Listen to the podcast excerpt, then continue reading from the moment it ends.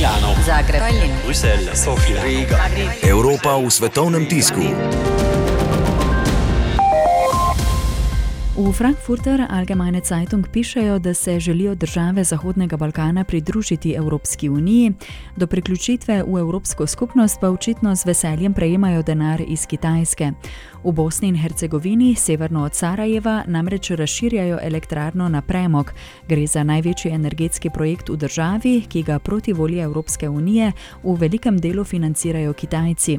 Kot pišejo v tem nemškem časniku, pa bosta prihodnji teden potekali tudi dve pomembni srečanji med Evropo in Kitajsko.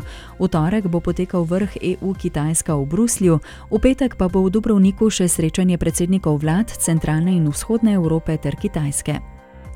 Potem, ko vsak teden že od novembra potekajo protesti rumenih jopičev, si francoska vlada prizadeva, da bi zmanjšala možnost nadaljnih izbruhov nasilja.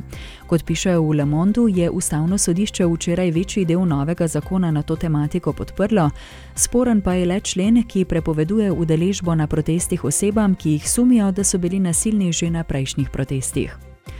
V britanskem The Times pa so zapisali, da je britanska premijerka Theresa May v pismu predsedniku Evropskega sveta Donaldu Tusku zaprosila za preložitev izstopa Združenega kraljestva iz Evropske unije do 30. junija. Milano, Zagreb, Tallinn, Bruselj, Sofija, Riga. Evropa v svetovnem tisku.